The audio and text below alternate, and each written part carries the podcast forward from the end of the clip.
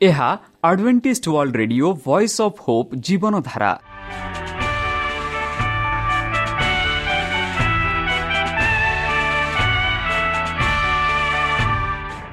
Odia radio କାର୍ଯ୍ୟକ୍ରମ ଯାହା ଆମର ଆନ୍ତର୍ଜାତୀୟ ଆଘାତ କେନ୍ଦ୍ରରୁ ପ୍ରସାରଣ କରାଯାଉଛି ପ୍ରତିଦିନ ରାତି ନଅଟା ତିରିଶ ମିନିଟ୍ରେ। ମୁଁ ସୁବ୍ରତ କୁମାର ପତି ପ୍ରେମର ସହ ଆପଣମାନଙ୍କୁ ଏହି କାର୍ଯ୍ୟକ୍ରମକୁ ସ୍ୱାଗତ କରୁଅଛି। ଚାଲନ୍ତୁ ଆଜିର ତିରିଶ ମିନିଟ୍ର କାର୍ଯ୍ୟକ୍ରମ ବିଷୟରେ ଜାଣିନେବା। ପ୍ରଥମେ ରଖିଛୁ ଆଧ୍ୟାତ୍ମିକ ଭକ୍ତିମୟ ଗୀତ। ଏହାପରେ ଶୁଣିବା ସ୍ୱାସ୍ଥ୍ୟ ବିଷୟରେ ଯାହା ଆମର ଦୈନିକ ଜୀବନରେ ଅତ୍ୟନ୍ତ ଜରୁରୀ। ଆଉ ପରିଶେଷରେ ଶୁଣିବା ପରମେଶ୍ୱରଙ୍କ ଭକ୍ତଙ୍କଠାରୁ ଜୀବନଦାୟକ ଈଶ୍ୱରଙ୍କ ବାକ୍ୟ। ପ୍ରିୟ ଶ୍ରୋତା ତାହେଲେ ଚାଲନ୍ତୁ ଶୁଣିବା ଏକ ଆଧ୍ୟାତ୍ମିକ ଭକ୍ତିମୟ ଗୀତ।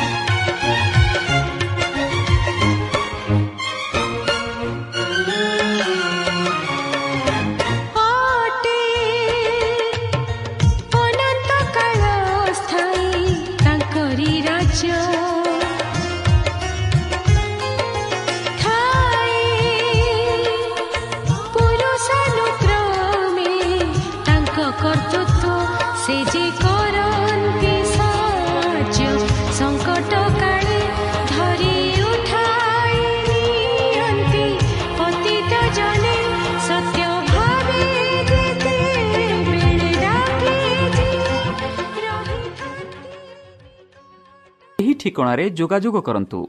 ଆମ ଠିକଣା Adventist media centre SDA mission compound Salisbury park Pune ଚାରି ଏକ ଏକ ଶୂନ ତିନି ସାତ ମହାରାଷ୍ଟ୍ର। ବା ଖୋଲନ୍ତୁ ଆମର ୱେବସାଇଟ୍ ଯେକୌଣସି Android phone smartphone desktop laptop କିମ୍ବା ଟ୍ୟାବ୍ଲେଟ୍ ଆମର website W W W dot A W R dot O R G slash O R I ଏବଂ W W W dot advantage media centre India dot O R ବର୍ତ୍ତମାନ ଚାଲନ୍ତୁ ଶୁଣିବା ଈଶ୍ୱରଙ୍କ ଭକ୍ତଙ୍କଠାରୁ ଈଶ୍ୱରଙ୍କ ଜୀବନଦାୟକ ବାକ୍ୟ ଖ୍ରୀଷ୍ଟ ନରକକୁ ଗଲେ କି ଭାଗ ଏକ ନମସ୍କାର ପ୍ରିୟ ଶ୍ରୋତା ସେହି ସର୍ବଶକ୍ତି ସର୍ବଜ୍ଞାନୀ ପ୍ରେମର ସାଗର ଦୟାମୟ ଅନ୍ତର୍ଜମୀ ଅନୁଗ୍ରହ ପରମ ପିତାଙ୍କ ମଧୁର ନାମରେ ମୁଁ ପାଷ୍ଟ ପୂର୍ଣ୍ଣଚନ୍ଦ୍ର ଆଉ ଥରେ ଆପଣମାନଙ୍କୁ ଏହି କାର୍ଯ୍ୟକ୍ରମରେ ସ୍ୱାଗତ କରୁଅଛି। ସେହି ସର୍ବଶକ୍ତି ପରମେଶ୍ୱର ଆପଣମାନଙ୍କୁ ଆଶୀର୍ବାଦ କରନ୍ତୁ। ଆପଣଙ୍କୁ ସମସ୍ତ ପ୍ରକାର ଦୁଃଖ କଷ୍ଟ ବାଧା କ୍ଲେଶ ଓ ରୋଗରୁ ଦୂରେଇ ରଖନ୍ତୁ। ଶତ୍ରୁ ସୟତାନ ହସ୍ତରୁ ସେ ଆପଣଙ୍କୁ ସୁରକ୍ଷାରେ ରଖନ୍ତୁ।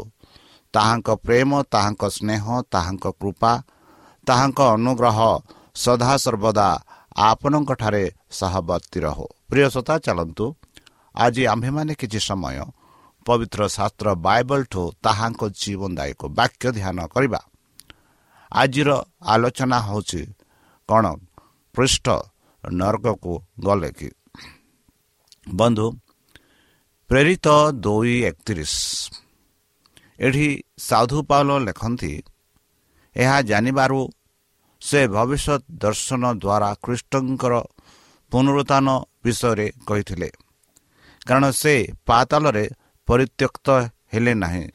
କିଏ ବା ତାହାଙ୍କ ଶରୀର କ୍ଷୟ ପାଇଲା ନାହିଁ। ବନ୍ଧୁ ସାରା ସଂସାରରେ ସଂସାରରେ ଆମେ ଅନେକ ପ୍ରକାର ଦେବ ଦେବତା ଦେଖୁଅଛୁ।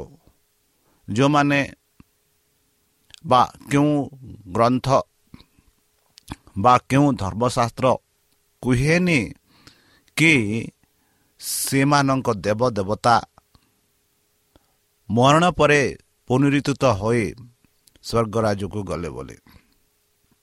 ବରଂ ଆମେ ଦେଖୁ ସେମାନେ ମରିଗଲେ ଆଉ ସେ ମରଣରେ ବର୍ତ୍ତମାନ ଯାଇ ଅଛନ୍ତି। ସେ କବରରେ ଅଛନ୍ତି ବୋଲି ଆମେ ଦେଖୁଅଛୁ। ପବିତ୍ର ଶାସ୍ତ୍ର ବାଇବଲମାନଙ୍କୁ କୁହେ କି ପରମେଶ୍ୱର ଯେ କି ଆପଣା ଏକମାତ୍ର ପୁତ୍ରକୁ ଏହି ପୃଥିବୀକୁ ପଠାଇଲେ ଯେପରିକି ସେହି ମାନବ ଯେ କି ପ୍ରାରମ୍ଭରେ ତାଙ୍କ ଦ୍ୱାରା ସୃଷ୍ଟି ହୋଇଥିଲେ ତାଙ୍କ ହସ୍ତ ଦ୍ୱାରା ସୃଷ୍ଟି ହୋଇଥିଲେ ତାଙ୍କ ସହ ରୂପ ଦେଇ ସେମାନଙ୍କୁ ସୃଷ୍ଟି କରୁଥିଲେ ସେହି ମନୁଷ୍ୟ ପ୍ରାରମ୍ଭରେ ପାପ କଲା। ଆଉ ସେହି ପାପରୁ ସେମାନଙ୍କୁ ଉଦ୍ଧାର କରିବା ନିମନ୍ତେ ପରମେଶ୍ୱର ପିତା ପୁତ୍ର ପବିତ୍ର ଆତ୍ମା ଏକତ୍ର ହୋଇ ଏକ ଯୋଜନା କଲେ। ଆଉ ସେହି ଯୋଜନା ଅନୁସାରେ ମଣିଷ ପୃଥିବୀକୁ ସୃଷ୍ଟି କରିବା ପୂର୍ବେ ଏହି ଯୋଜନା କରାଗଲା। ଆଉ ସେହି ଯୋଜନାରେ ଏହିପରି ନିର୍ଣ୍ଣୟ ନିଆଗଲା ଯେ ଆମେ ଏହି ପୃଥିବୀକୁ ସୃଷ୍ଟି କରିବାକୁ ଯାଉଅଛୁ। ଆଉ ଏହି ପୃଥିବୀରେ ଆମ ସହରୂପ ମାନବକୁ ସୃଷ୍ଟି କରିବାକୁ ଯାଉଅଛୁ। ଆଉ ଏହି ମାନବ ପାପ କରିବ। ହେଲେ ଏହି ମାନବକୁ କିଏ ଉଦ୍ଧାର କରିବ? ଏହି ମାନବ ଯୋଗୁଁ କିଏ ପ୍ରାଣ ଦାନ ଦେବ?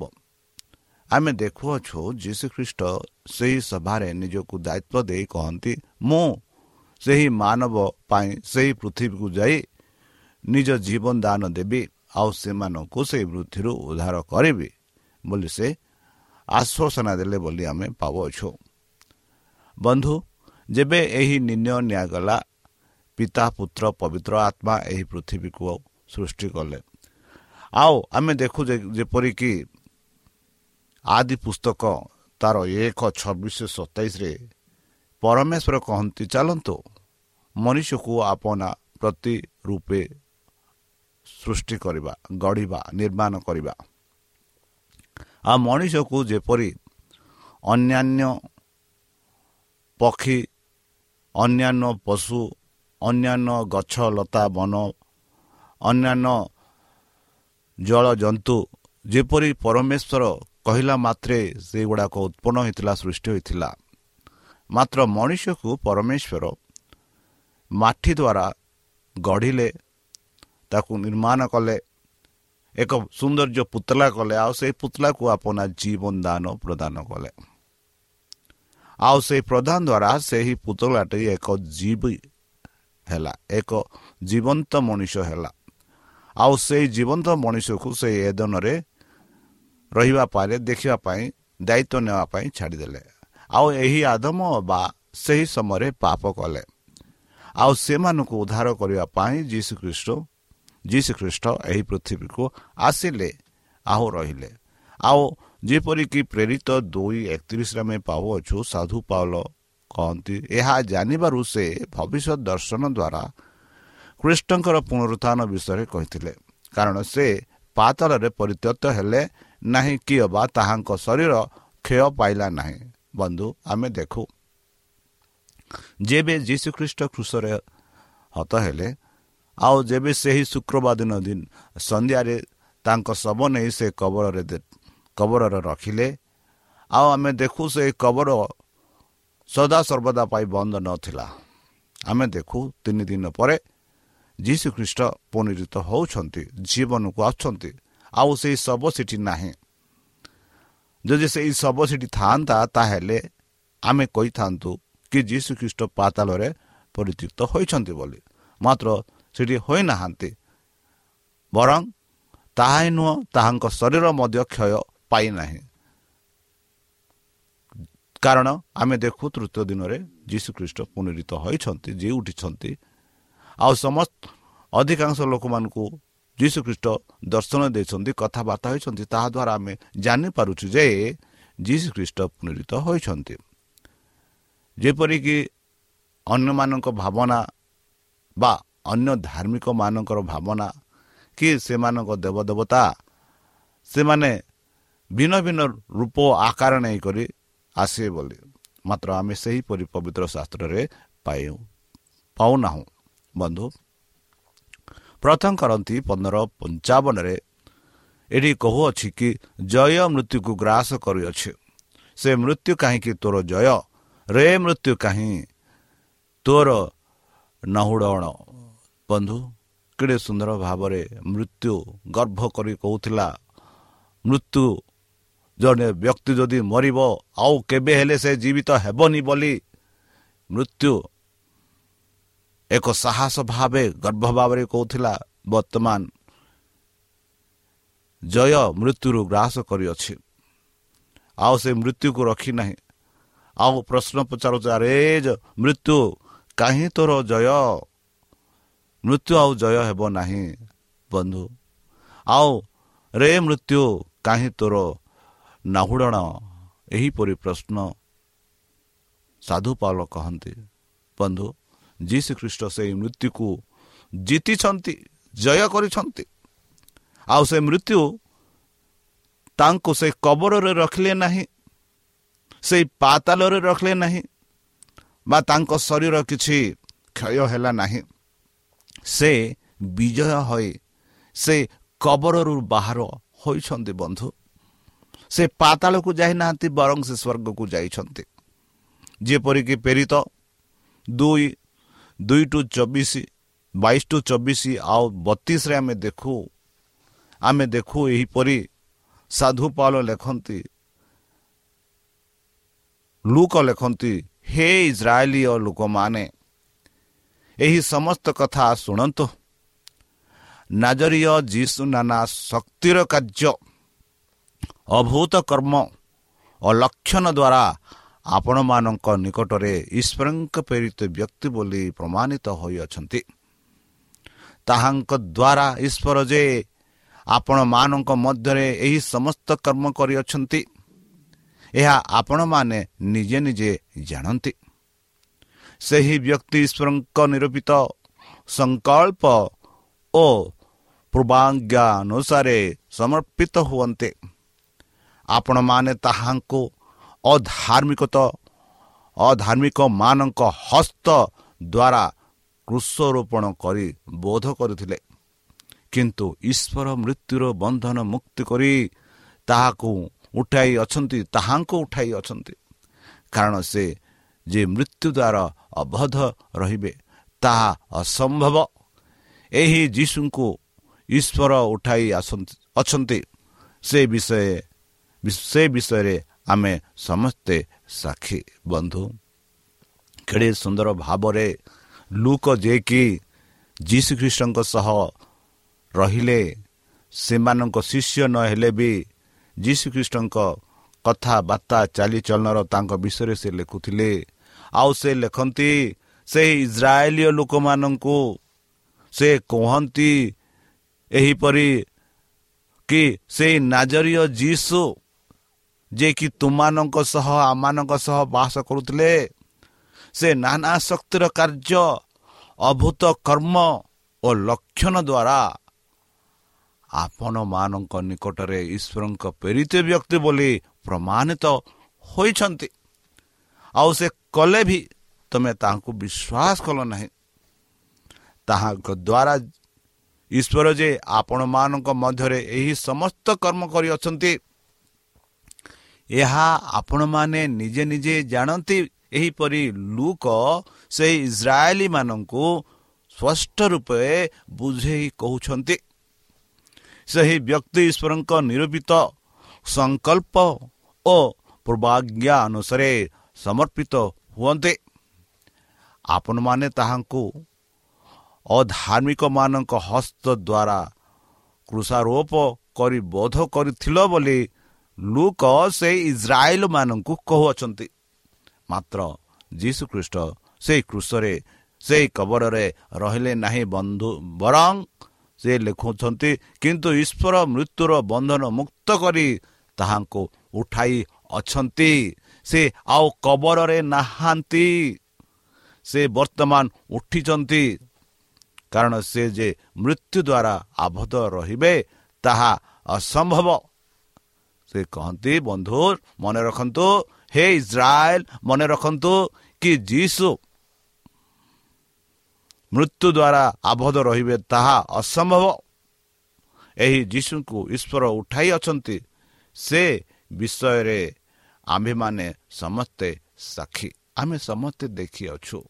ତମେ ବି ଦେଖିଅଛ କି ଯୀଶୁ ଖ୍ରୀଷ୍ଟ କେବେ ବି ସେ କବରରେ ରହିଲେ ନାହିଁ ବରଂ ବିଜୟୀ ମୃତ୍ୟୁରେ ବିଜୟୀ ହୋଇ ପୁନରୁଚିତ ହୋଇଛନ୍ତି। ବନ୍ଧୁ ଜହନ ଚଉଦ ଅନିଶ୍ରେ ଜହନ ଲେଖନ୍ତି ଏହିପରି ଅଳ୍ପ ମାତ୍ର ସମୟ ରହିଲା ରହିଲା ଜଗତ ମୋତେ ଆଉ ଦେଖିବ ନାହିଁ ମାତ୍ର ତୁମେମାନେ ମୋତେ ଦେଖିବ କାରଣ ମୁଁ ଜୀବିତ। ଆଉ ତୁମ୍ଭେମାନେ ମଧ୍ୟ ଜୀବିତ ରହିବ। ବନ୍ଧୁ ଆପଣ ଶିଷ୍ୟମାନଙ୍କୁ ବୁଝେଇ କହୁଛନ୍ତି କି ଅଳ୍ପ ମାତ୍ର ସମୟ ରହିଲା। ଆଉ ସେ ଅଳ୍ପ ସମୟରେ ଜଗତ ମୋତେ ଆଉ ଦେଖିବ ନାହିଁ ବୋଲି କହୁଛନ୍ତି। ମାତ୍ର ତୁମେମାନେ ମୋତେ ଦେଖିବ। କାରଣ ମୁଁ ଜୀବିତ। ମୁଁ ମୃତ୍ୟୁ ନୁହଁ। ଆଉ ତୁମେମାନେ ମଧ୍ୟ ଜୀବିତ ରହିବ। ଏହା କେଡ଼େ ସୁନ୍ଦର ଆଶ୍ୱାସନ ବନ୍ଧୁ। ଯେ କେହି ଯୀଶୁ ଖ୍ରୀଷ୍ଟଙ୍କ ଠାରେ ବିଶ୍ୱାସ କରେ ଯେ କେହି ଯୀଶୁ ଖ୍ରୀଷ୍ଟଙ୍କୁ ତାହାଙ୍କ ତ୍ରାଣକର୍ତ୍ତା ତାହାଙ୍କ ଉଦ୍ଧାରକର୍ତ୍ତା ତାହାଙ୍କ ଜୀବନଦାତା ସ୍ୱରୂପେ ଗ୍ରହଣ କରନ୍ତି ସେମାନଙ୍କୁ ସେହି ଯୀଶୁ ଖ୍ରୀଷ୍ଟ ସେମାନଙ୍କୁ ଜୀବନ ପ୍ରଦାନ କରନ୍ତି। ଯେହେତୁ ସେ କହନ୍ତି କାରଣ ମୁଁ ଜୀବିତ ଆଉ ତୁମ୍ଭେମାନେ ମଧ୍ୟ ଜୀବିତ ରହିବ। ଯେହେତୁ ଯୀଶୁ ଖ୍ରୀଷ୍ଟ ଜୀବିତ ବନ୍ଧୁ ଯୀଶୁ ଖ୍ରୀଷ୍ଟ ଜୀବିତ ସେଥି କାରଣରୁ ଆମ୍ଭେମାନେ ମଧ୍ୟ ଜୀବିତ ରହିବା କେଡ଼େ ସୁନ୍ଦର ଆଶା ସେହି ଯୀଶୁଖ୍ରୀଷ୍ଟ ମୃତ୍ୟୁକୁ ବିଜୟ କରିଛନ୍ତି ପାତାଳରେ ନାହାନ୍ତି ବରଂ ସେ ସ୍ୱର୍ଗରେ ଅଛନ୍ତି ସେ ମୃତ୍ୟୁକୁ ବିଜୟ କରିଛନ୍ତି ମୃତ୍ୟୁ ତାକୁ ରଖିଲେ ନାହିଁ ମୃତ୍ୟୁ ହରିଯାଇଅଛି ଆଉ ଯିଏ କେହି ତାହାଙ୍କଠାରେ ବିଶ୍ୱାସ କରିବ ସେ ନିଶ୍ଚିତ ରୂପେ ଜୀବିତ ରହିବ। ପ୍ରଥମ କରନ୍ତି ପନ୍ଦର ଅଣତିରିଶରେ ଆମେ ଦେଖୁ ଯଦି କେବଳ ଏହି ଜୀବନ ନିମନ୍ତେ ଆମ୍ଭେମାନେ ଖ୍ରୀଷ୍ଟଙ୍କଠାରେ ଭରସା ରଖିଅଛୁ ତେବେ ସମସ୍ତ ମଣିଷଙ୍କ ଠାରୁ ଆମେମାନେ ଦୁର୍ଭାଗ୍ୟ। ବନ୍ଧୁ କେଡ଼େ ସୁନ୍ଦର ଭାବରେ କରନ୍ତିରେ ସାଧୁ ପାଲ ଲେଖନ୍ତି ଯଦି କେବଳ ଏହି ଜୀବନ ନିମନ୍ତେ ଆମ୍ଭେମାନେ ଖ୍ରୀଷ୍ଟଙ୍କଠାରେ ଭରସା ରଖିଅଛୁ ବର୍ତ୍ତମାନ ଯେଉଁ ଜୀବନ ଏହି ଜୀବନ ପାଇଁ ଯଦି ଆମେ ଭରସା ରଖୁଛୁ ତାହେଲେ ମଣିଷମାନଙ୍କଠାରେ ଆମେ ଦୁର୍ଭାଗ୍ୟ ବୋଲି ସେ କହନ୍ତି ଆମେ କହୁ ଆଜି ବନ୍ଧୁତ୍ୱ କାଲି ମରିଯିବା ତାପରେ କ'ଣ ହେବ? ଆମେ ଜାଣିନାହୁଁ ଏହିପରି କହିଥାଉ। ମଣିଷ ତ ଜନ୍ମ ହେଲା ସେ ତ ମୃତ୍ୟୁ ହେବ। ମାତ୍ର ଗୋଟିଏ ଆଶା ଅଛି ବନ୍ଧୁ ମଣିଷ ଜନ୍ମ ହେଲା ସେ ମୃତ୍ୟୁ ହେବ ମାତ୍ର ସେ ଜୀବିତ ରହିବ। ଏହା ହେଉଛି ଏକ ସୌନ୍ଦର୍ଯ୍ୟ କଥା। ଏହା ହେଉଛି ଏକ ସୌନ୍ଦର୍ଯ୍ୟ ବାର୍ତ୍ତା ଶୁଭ ବାର୍ତ୍ତା କି ଯୀ ଶ୍ରୀଖ୍ରୀଷ୍ଟ ଜୀବିତ ଅଛନ୍ତି ଆଉ ଯେ କେହି ତାଙ୍କଠାରେ ବିଶ୍ୱାସ କରନ୍ତି ସେମାନେ ଜୀବିତ ରହିବେ ଯେହେତୁ ଯୀଶୁଖ୍ରୀଷ୍ଟ ଜୀବିତ। ଆଉ ଯେ କେହି ଏହି ସାଂସାରିକ ଜୀବନରେ ଭାବନ୍ତି କି ଆମେ ଯୀଶୁଖ୍ରୀଷ୍ଟଙ୍କଠାରେ ଭରସା ରଖିଅଛୁ ତେବେ ସେ ସେ ସମସ୍ତେ ଆଉ ମଣିଷମାନଙ୍କ ଠାରୁ ସେ ସମସ୍ତେ ଏକ ଦୁର୍ଭାଗ୍ୟ ବୋଲି ଗୀତ ସାଧୁପାଲ ଲେଖନ୍ତି ପ୍ରଥମ କରନ୍ତିରେ। ଗୀତ ଲେଖକ ଅଣଚାଶ ସାତ ନଅରେ ଗୀତ ଲେଖକ ଲେଖନ୍ତି ଏହିପରି ଗୀତ ସଂହିତାରେ। ସେ ଲେଖନ୍ତି ସେମାନଙ୍କ ମଧ୍ୟରୁ କେହି ଆପଣା ଭାଇ ନିତ୍ୟ ଜୀବି ହେବା ପାଇଁ କ୍ଷୟ ନ ଦେଖିବା ପାଇଁ କୌଣସି ମୋତେ ତାହାକୁ ମୁକ୍ତ କରି ନପାରେ କିଏ ବା ତାହା ପାଇଁ ପରମେଶ୍ୱରଙ୍କୁ କୌଣସି ପ୍ରାୟଚିତ ଦେଇନପାରେ କାରଣ ସେମାନଙ୍କ ପ୍ରାଣର ମୁକ୍ତି ଦୁର୍ମୂଲ୍ୟ ଓ ଅନନ୍ତ କାଳ ଅଧାସ୍ତ ଅସାଧ୍ୟ। ବନ୍ଧୁ କେଡ଼େ ସୁନ୍ଦର ଭାବରେ ଗୀତ ଲେଖକ କହନ୍ତି କି ଭାଇ ନିତ୍ୟ ଜୀବି ହେବା ପାଇଁ କ୍ଷୟ ନ ଦେଖିବା ପାଇଁ ବା କୌଣସି ମୋତେ ତାହାକୁ ମୁକ୍ତ କରିନପାରେ ବୋଲି କହୁଅଛି। କିଏ ବା ତାହା ପାଇଁ ପରମେଶ୍ୱରଙ୍କୁ କୌଣସି ପ୍ରାୟଚିତ୍ପ ଦେବ ଦେଇନପାରେ କାରଣ ସେମାନଙ୍କ ପ୍ରାଣର ମୁକ୍ତି ଦୁର୍ମୂଲ୍ୟ ଓ ଅନନ୍ତକାଳ ଅସାଧ୍ୟ। ବନ୍ଧୁ ଆମେ ମଣିଷ ଦ୍ୱାରା ଆମେ କିଛି କରିପାରିବା ନାହିଁ। ମଣିଷ ଦ୍ୱାରା ଆମେ ପରିତ୍ରାଣ ପାଇପାରିବା ନାହିଁ। ଯେହେତୁ ଯୀଶୁ ଖ୍ରୀଷ୍ଟ ଆମମାନଙ୍କ ପାଇଁ ମୃତ୍ୟୁ ହୋଇଛନ୍ତି ତାଙ୍କ ମୃତ୍ୟୁ ତାଙ୍କ ଜି ଉଠିବା ତାଙ୍କ ପୁନରୁତ୍ଥାନ ହିଁ ଆମମାନଙ୍କୁ ଜୀବନ ଦାନ ଦେଇପାରିବ। ବନ୍ଧୁ ପୁରାତନ ନିୟମରେ ଜି ଜି କଲ ଏହିପରି ଲେଖନ୍ତି ଜି ଜି କଲ ଚଉଦ ତାର ଚଉଦ ଟୁ ଷୋହଳରେ ଆମେ ପାଉଛୁ। ସେତେବେଳେ ନହ ଦାନିଏଲ ଓ ଆୟୁବ ଏହି ତିନି ବ୍ୟକ୍ତି ଯେବେ ତହିଁ ମଧ୍ୟରେ ଥାନ୍ତେ ତେବେ ସେମାନେ ଆପନା ଆପନା ଧାର୍ମିକତା ଦ୍ୱାରା ଆପନା ପ୍ରାଣ ମାତ୍ର ରକ୍ଷା କରନ୍ତେ। ଏହା ପ୍ରଭୁ ସଦାପ୍ରଭୁ କହନ୍ତି ଆମ୍ଭେ ଯେବେ ଦେଶ ମଧ୍ୟରେ ହିଂସକ ପଶୁଗଣକୁ ଗୟାତକ କରାଉ ଆଉ ସେମାନେ ତାହା ଏରୂପ ବିନଷ୍ଟ କରନ୍ତି ଯେ ଦେଶ ଧ୍ୱଂସସ୍ଥାନ ହୁଏ ଓ ପଶୁମାନଙ୍କ ଭୟରେ କୌଣସି ମନୁଷ୍ୟ ତହୁଁ ମଧ୍ୟରେ ଗୟାତନ କରେ ତେବେ ଏହି ତିନି ବ୍ୟକ୍ତି ତହିଁ ମଧ୍ୟରେ ଥିଲେ ହେଁ ପ୍ରଭୁ ସଦାପ୍ରଭୁ କହନ୍ତି ଆମ୍ଭେ ଜୀବିତ ଥିବା ପ୍ରମାଣ ସେମାନେ ପୁତ୍ର କି କନ୍ୟାଗଣକୁ ଉଦ୍ଧାର କରିପାରିବେ ନାହିଁ କେବଳ ସେମାନେ ଉଦ୍ଧାର ପାଇବେ ମାତ୍ର ଦେଶ ସଂସତ ହେବ ନାହିଁ ବନ୍ଧୁ ଦେଖନ୍ତୁ ଆମେ ପାଉଛୁ ନୁହଙ୍କ ବିଷୟରେ ଦାନିଅଲଙ୍କ ବିଷୟରେ ଆଇବୁଙ୍କ ବିଷୟରେ ଆମେ ପାଉଛୁ ଯଦି ଏମାନେ ଧାର୍ମିକ ଯଦି ଆମେ ଭାବୁଛୁ ହୋଇପାରେ ସେମାନେ ଧାର୍ମିକ ରୂପେ ମାତ୍ର ସମସ୍ତ ରକ୍ଷା କରିପାରିବେ ନାହିଁ। ବନ୍ଧୁ ସଦାପ୍ରଭୁ ହିଁ ଏମାନଙ୍କୁ ରକ୍ଷା କରିପାରିବ। ସେଇ ପରମେଶ୍ୱର ହିଁ ଏମାନଙ୍କୁ ଉଦ୍ଧାର କରିପାରିବ। ଆଉ କେହି ନାହିଁ ଏଇ ପୃଥିବୀରେ ବନ୍ଧୁ। ଏହି ସଂସାରରେ ଆଉ କେହି ନାହିଁ। ଯୀଶୁ ଖ୍ରୀଷ୍ଟ ବିନା ଆଉ କେହି ନାହିଁ। ଯେହେତୁ ଯୀଶୁ ଖ୍ରୀଷ୍ଟ ହିଁ ସେହି ମାର୍ଗ। ଯୀଶୁ ଖ୍ରୀଷ୍ଟ ସେ କହନ୍ତି ମୁଁ ସେହି ପଥ ମୁଁ ସେହି ସତ୍ୟ ଆଉ ମୁଁ ସେହି ଜୀବନ ବନ୍ଧୁ ସତ୍ୟ ଅଛନ୍ତି ଯୀଶୁ ଖ୍ରୀଷ୍ଟ ଜୀବନ ଯୀଶୁ ଖ୍ରୀଷ୍ଟ ମୃତ୍ୟୁ ପରେ ଜୀବିତ ହୋଇଛନ୍ତି ଆଉ ଯେତେ କେହି ତାହାଙ୍କଠାରେ ବିଶ୍ୱାସ କରନ୍ତି ଯଦ୍ୟବ୍ୟ ମୃତ୍ୟୁବରଣ କରନ୍ତି ଯଦି ତାଙ୍କଠାରେ ବିଶ୍ୱାସ କରୁଛନ୍ତି ସେମାନେ ନିଶ୍ଚିତ ଭାବେ ଜୀବନ୍ତ ହେବେ ଆଉ ସେହି ପଥକୁ ଆମେ ଚାଲିବାକୁ ପଡ଼ିବ ଯେଉଁ ପଥରେ ଆମେ ସ୍ୱର୍ଗରାଜକୁ ସ୍ୱର୍ଗରାଜକୁ ପହଞ୍ଚି ପାରିବା। ତାହେଲେ ବନ୍ଧୁ ଚାଲନ୍ତୁ। ଏହି ଧାରଣାରେ ନଥିବା କି ଯୀଶୁଖ୍ରୀଷ୍ଟକୁ ପାତାଳକୁ ଗଲେ ନାହିଁ ଯୀଶୁଖ୍ରୀଷ୍ଟ ପାତାଳକୁ ଯାଇନାହାନ୍ତି। ଯୀଶୁଖ୍ରୀଷ୍ଟ ସ୍ୱର୍ଗକୁ ଯାଇଛନ୍ତି। ବର୍ତ୍ତମାନ ସ୍ୱର୍ଗରେ ଅଛନ୍ତି। ଆଉ ସେ ବହୁ ଶୀଘ୍ର ଫେରିବେ। ଆଉ ଯେତେ ଲୋକ ତାଙ୍କଠାରେ ବିଶ୍ୱାସ କରିଛନ୍ତି ସେମାନଙ୍କୁ ପରମେଶ୍ୱର ସେଇ ଯୀଶୁଖ୍ରୀଷ୍ଟ ଯେବେ ଆସିବେ ସେମାନଙ୍କୁ ତାହାଙ୍କ ସହ ସେହି ସ୍ୱର୍ଗ ରାଜ୍ୟକୁ ନେବେ। ଆଉ ଯେଉଁଥିରେ ପିତା ପୁତ୍ର ପବିତ୍ର ଆତ୍ମା ଆଉ ଦୂତମାନଙ୍କ ସହ ଏକତ୍ର ଭାବରେ ରହିବା ତାଙ୍କ ସହ ଆମେ ରହିବା ଯେପରି ପିତା ପୁତ୍ର ପବିତ୍ର ଆତ୍ମାଙ୍କ କଥା ତାଙ୍କ ସେଇ ଯେଉଁ ପରିତ୍ରାଣର କାହାଣୀ ଶୁଣିବା। ବନ୍ଧୁ ତାହେଲେ ଚାଲନ୍ତୁ କ'ଣ ଆପଣ ସେହି ଜୀବନ ଜୀବନ୍ତ ଈଶ୍ୱରଙ୍କ ଠାରେ ବିଶ୍ୱାସ କରୁଛନ୍ତି କି ଯେହେତୁ ଯୀଶୁ ଖ୍ରୀଷ୍ଟ ମୃତ୍ୟୁକୁ ବିଜୟ କରିଛନ୍ତି ଆଉ ବର୍ତ୍ତମାନ ସେ ସ୍ୱର୍ଗରେ ଅଛନ୍ତି ଆପଣ ସେହି ସ୍ୱର୍ଗକୁ ଯିବାକୁ ଇଚ୍ଛା କରୁଛନ୍ତି କି ତାହେଲେ ବର୍ତ୍ତମାନ ହିଁ ସେହି ସମୟ ନିଜକୁ ସମର୍ପଣ କରି ଚାଲନ୍ତୁ ତାହାଙ୍କ ମଧୁର ନାମରେ ଆମେ ପ୍ରାର୍ଥନା ଅର୍ପଣ କରିବା ହେ ଆମ୍ଭମାନଙ୍କ ସର୍ବଶକ୍ତି ସର୍ବଜ୍ଞାନୀ ପ୍ରେମର ସାଗର ଦୟାମୟ ଅନ୍ତର୍ଜମୀ ଅନୁଗ୍ରହ ପରମ ପିତା ଧନ୍ୟବାଦ ଅର୍ପଣ କରୁଛୁ ପ୍ରଭୁ ବର୍ତ୍ତମାନ ଯେଉଁ ବାକ୍ୟ ତୁମ ଭକ୍ତମାନଙ୍କୁ ଶୁଣାଇଲେ ସେହି ବାକ୍ୟ ଅନୁସାରେ ଏମାନଙ୍କୁ ଚାଲିବା ପାଇଁ ବୁଦ୍ଧିରେ ଜ୍ଞାନରେ ଶକ୍ତିରେ ପରିପୂର୍ଣ୍ଣ କର ଆମ ପାପ ସବୁ ତୁମ ସେହି ବହୁମୂଲ୍ୟ ରକ୍ତରେ ପରିଷ୍କାର ରୂପେ ଧୋଇଦିଅ ଆଉ ପରିଶେଷ ଯେବେ ତୁମେ ତୁମ ସେହି ସହସ୍ର ଦୂତଙ୍କ ସହ ଆସିବେ ସେତେବେଳେ ଆମମାନଙ୍କୁ ଏକ ବାସସ୍ଥାନ ଦେବ ବୋଲି ପ୍ରାଣକର୍ତ୍ତା ପ୍ରଭୁ ଯୀଶୁଙ୍କ ମଧୁରମୟ ନାମରେ ଏହି ଛୋଟ ବିକ୍ଷମ ହେଉଛି ତୁମେ ଗ୍ରହଣ କର ଆମେ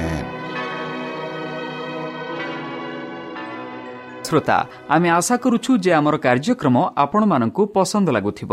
ଆପଣଙ୍କର ମତାମତ ଜଣାଇବା ପାଇଁ ଆମର ଏହି ଠିକଣାରେ ଯୋଗାଯୋଗ କରନ୍ତୁ। ଆମ ଠିକଣା Adventist media centre SDA mission compound Salisbury park Pune ଚାରି ଏକ ଏକ ଶୂନ ତିନି ସାତ ମହାରାଷ୍ଟ୍ର। ବା ଖୋଲନ୍ତୁ ଆମର ୱେବସାଇଟ୍ ଯେକୌଣସି Android phone smartphone desktop laptop କିମ୍ବା ଟ୍ୟାବ୍ଲେଟ୍ ଆମର website W W W dot A W R dot O R G slash O R I ଏବଂ W W W dot Adventist media centre India dot O R G Adventist media centre ଇଣ୍ଡିଆର spelling ହେଉଛି A D V N T I S T M E D I A C N T R E I N D I A ଅଥବା download କରନ୍ତୁ ଆମର mobile app ଆପଣଙ୍କର mobile play ଷ୍ଟୋରକୁ ଯାଆନ୍ତୁ ଆଉ type କରନ୍ତୁ ଦ ଭଏସ୍ ଅଫ୍ ହୋପ୍ ଆଉ download କରନ୍ତୁ ଈଶ୍ୱର ଆପଣଙ୍କୁ ଆଶୀର୍ବାଦ କରନ୍ତୁ ଧନ୍ୟବାଦ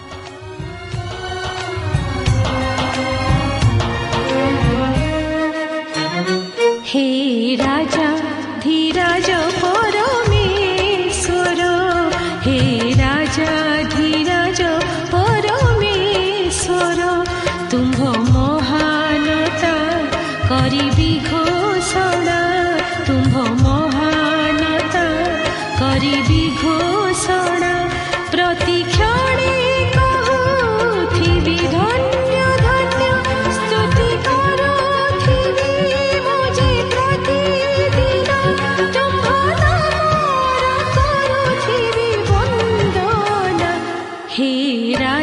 अधीर